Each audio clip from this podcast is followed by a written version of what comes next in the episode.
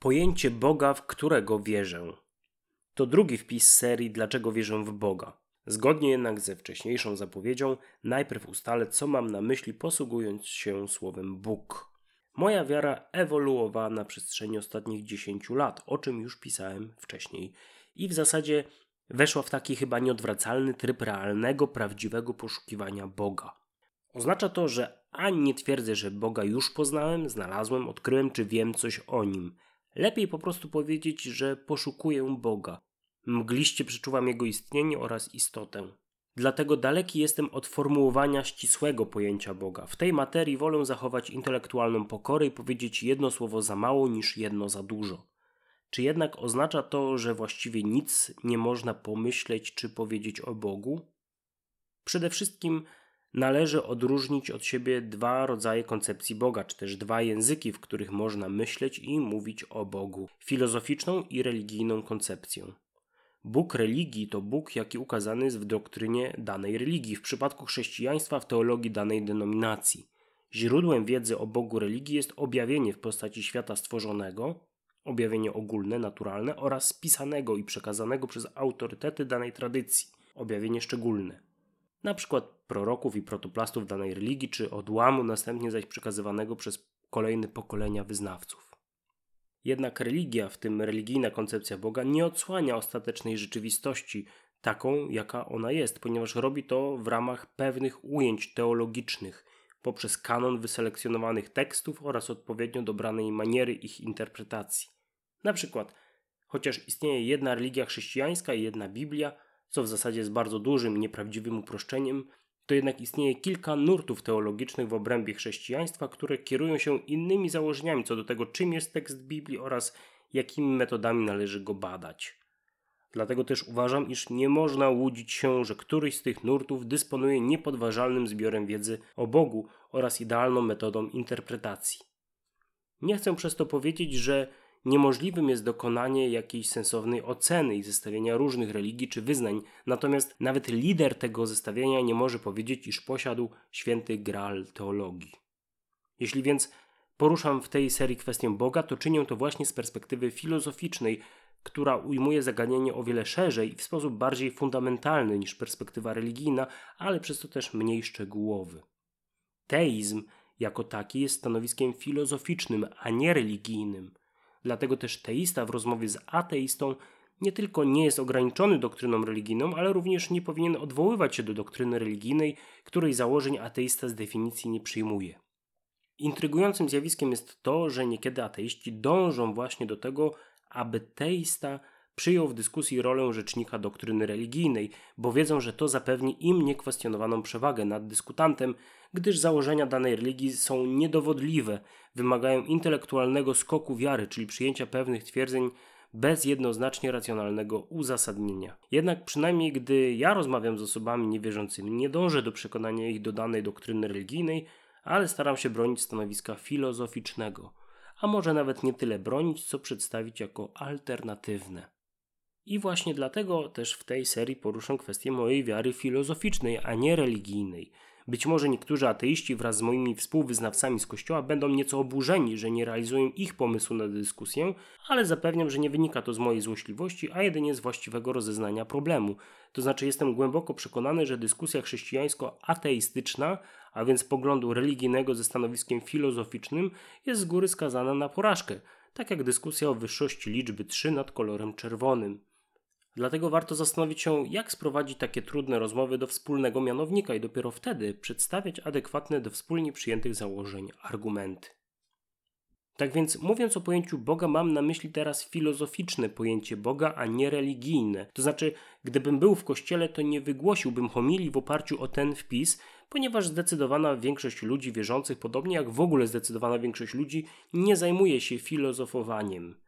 Nie przeszkadza im operowanie pojęciami sprzecznymi wewnętrznie, nieostrymi, zbędnymi czy sztucznymi. Wróćmy więc do zdefiniowania Boga. No właśnie, przecież pisałem przed chwilą, że nie zamierzam Boga definiować, gdyż byłoby to ciężkim filozoficznym grzechem. Jakoś jednak przecież myślę o Bogu, coś sobie wyobrażam, jakoś o nim mówię na co dzień i piszę teksty o nim. Oto moja, i tutaj przyszło mi na myśl lepsze wyrażenie, synteza filozoficznej koncepcji Boga. Bóg w mojej koncepcji filozoficznej to rozumna tajemnica, ostateczna rzeczywistość, która jest obiektywną prawdą i ostateczną sprawiedliwością, ponadto jest lub może być uważana za przyczynę, zasadę i cel istnienia naszego świata, jej istotę można również oddać słowami miłość oraz dobro, które wyznaczają odpowiednio normę etyczną oraz nadzieję na lepszy świat. Teraz przyjrzymy się poszczególnym elementom tej syntezy, bowiem domyślam się, że mogą one brzmieć tak tajemniczo, jak i wieloznacznie. Tak więc w co wierzę, mówiąc, że wierzę w Boga? Przede wszystkim mam na myśli tajemnicę, coś niepojętego ludzkim rozumem i niewysłowionego ludzkim językiem. Na tym w zasadzie mógłbym, a niektórzy powiedzą, że powinienem, zakończyć wywód, jednak odważę się powiedzieć coś więcej. Po drugie, mam na myśli coś większego niż nasz świat, szerszą perspektywę, byt najwyższy, ostateczną rzeczywistość.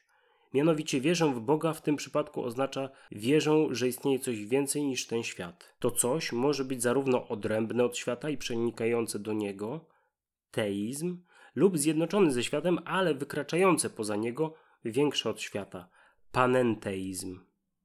Obydwie opcje są możliwe, z czego panenteizm jest bardziej sterylny logicznie, gdyż zgodnie z zasadą prostoty, którą wyznają, wskazuje rozwiązanie prostsze, gdy nie ma przesłanek za przyjęciem rozwiązania bardziej skomplikowanego. Po trzecie, sądzę, że to coś większego, ta ostateczna rzeczywistość, odnosi się nadrzędnie do naszego świata. W jakiś sposób i w jakimś zakresie lub absolutnie i całkowicie. A to odnoszenie się opisać można trzema pojęciami jako przyczynę, zasadę i cel istnienia naszego świata. Starożytni Grecy mieli na to jedno słowo arche. Następnie sądzę, iż ostateczna rzeczywistość jest dobrem oraz miłością, lub jej esencjonalnymi cechami są właśnie dobro i miłość. Znaczy to mniej więcej tyle, że miłość znajduje się u podstaw istnienia i funkcjonowania świata, a także to, iż po tym wyższym bycie można spodziewać się dobra. Przy czym nie postuluję, jak to się robi w religijnym obrazie Boga, doskonałego dobra, bo i tak nie wiadomo, co by to miało oznaczać z uwagi na zło, które istnieje w naszym świecie. Najkrócej ujmując, ta ostateczna rzeczywistość wskazuje nam prawo miłości oraz daje nadzieję na coś lepszego lepszy świat, lepsze życie. Piątym elementem tej szerszej perspektywy, potocznie nazywanej Bogiem, jest prawda i sprawiedliwość, a dokładniej obiektywna prawda i ostateczna sprawiedliwość. Chociaż jestem łagodnym sceptykiem epistemicznym i nie sądzę, aby człowiek potrafił stworzyć prawdziwą teorię rzeczywistości, to jednak wierzę, iż istnieje prawda obiektywna. Podobnie też, gdy mówię o ostatecznej sprawiedliwości, a zatem i o moralności. Wierzę, że kiedyś nasza rzeczywistość zjednoczy się ze sprawiedliwością, a miarą dobra będzie właśnie obiektywna sprawiedliwość, której standardy wyznacza obiektywna prawda. Jednocześnie sprzeciwiam się twierdzeniu, że ktoś na tym świecie posiadł już wiedzę i zdolność dokonywania obiektywnego sądu moralnego. Ten sprzeciw dotyczy również religijnych systemów etycznych, które oczywiście uwarunkowane są kulturowo.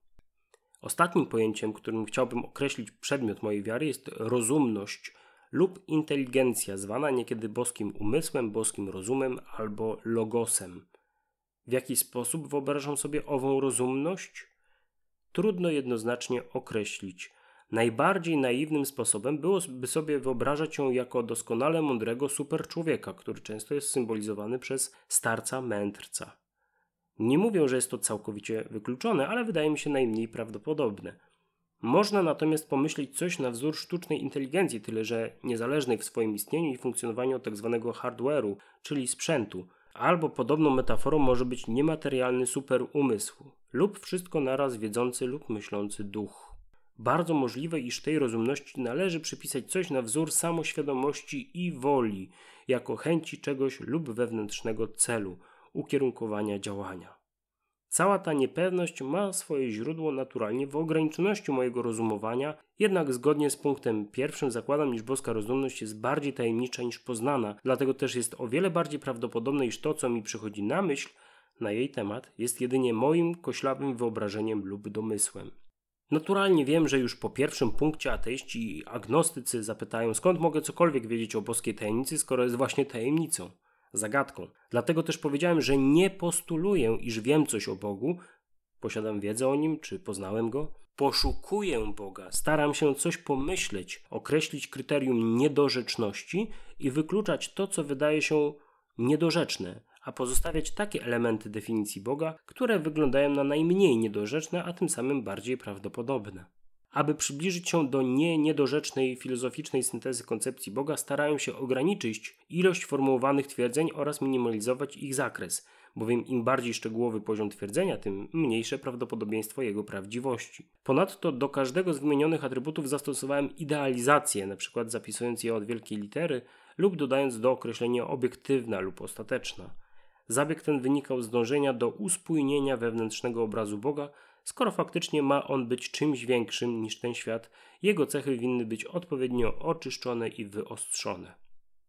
W końcu granicą myślenia o Bogu musi być logika, bowiem jeśli nawet Bóg przekracza naszą logikę, to nie może jej jawnie przeczyć, a jeśli by założyć, iż może jej jawnie przeczyć, to już dosłownie nic nie można logicznego o Bogu pomyśleć lub powiedzieć, oraz doświadczenie. W tym wrażenia zmysłowe, formy myślenia, ale również wiedza o świecie, w tym wiedza naukowa.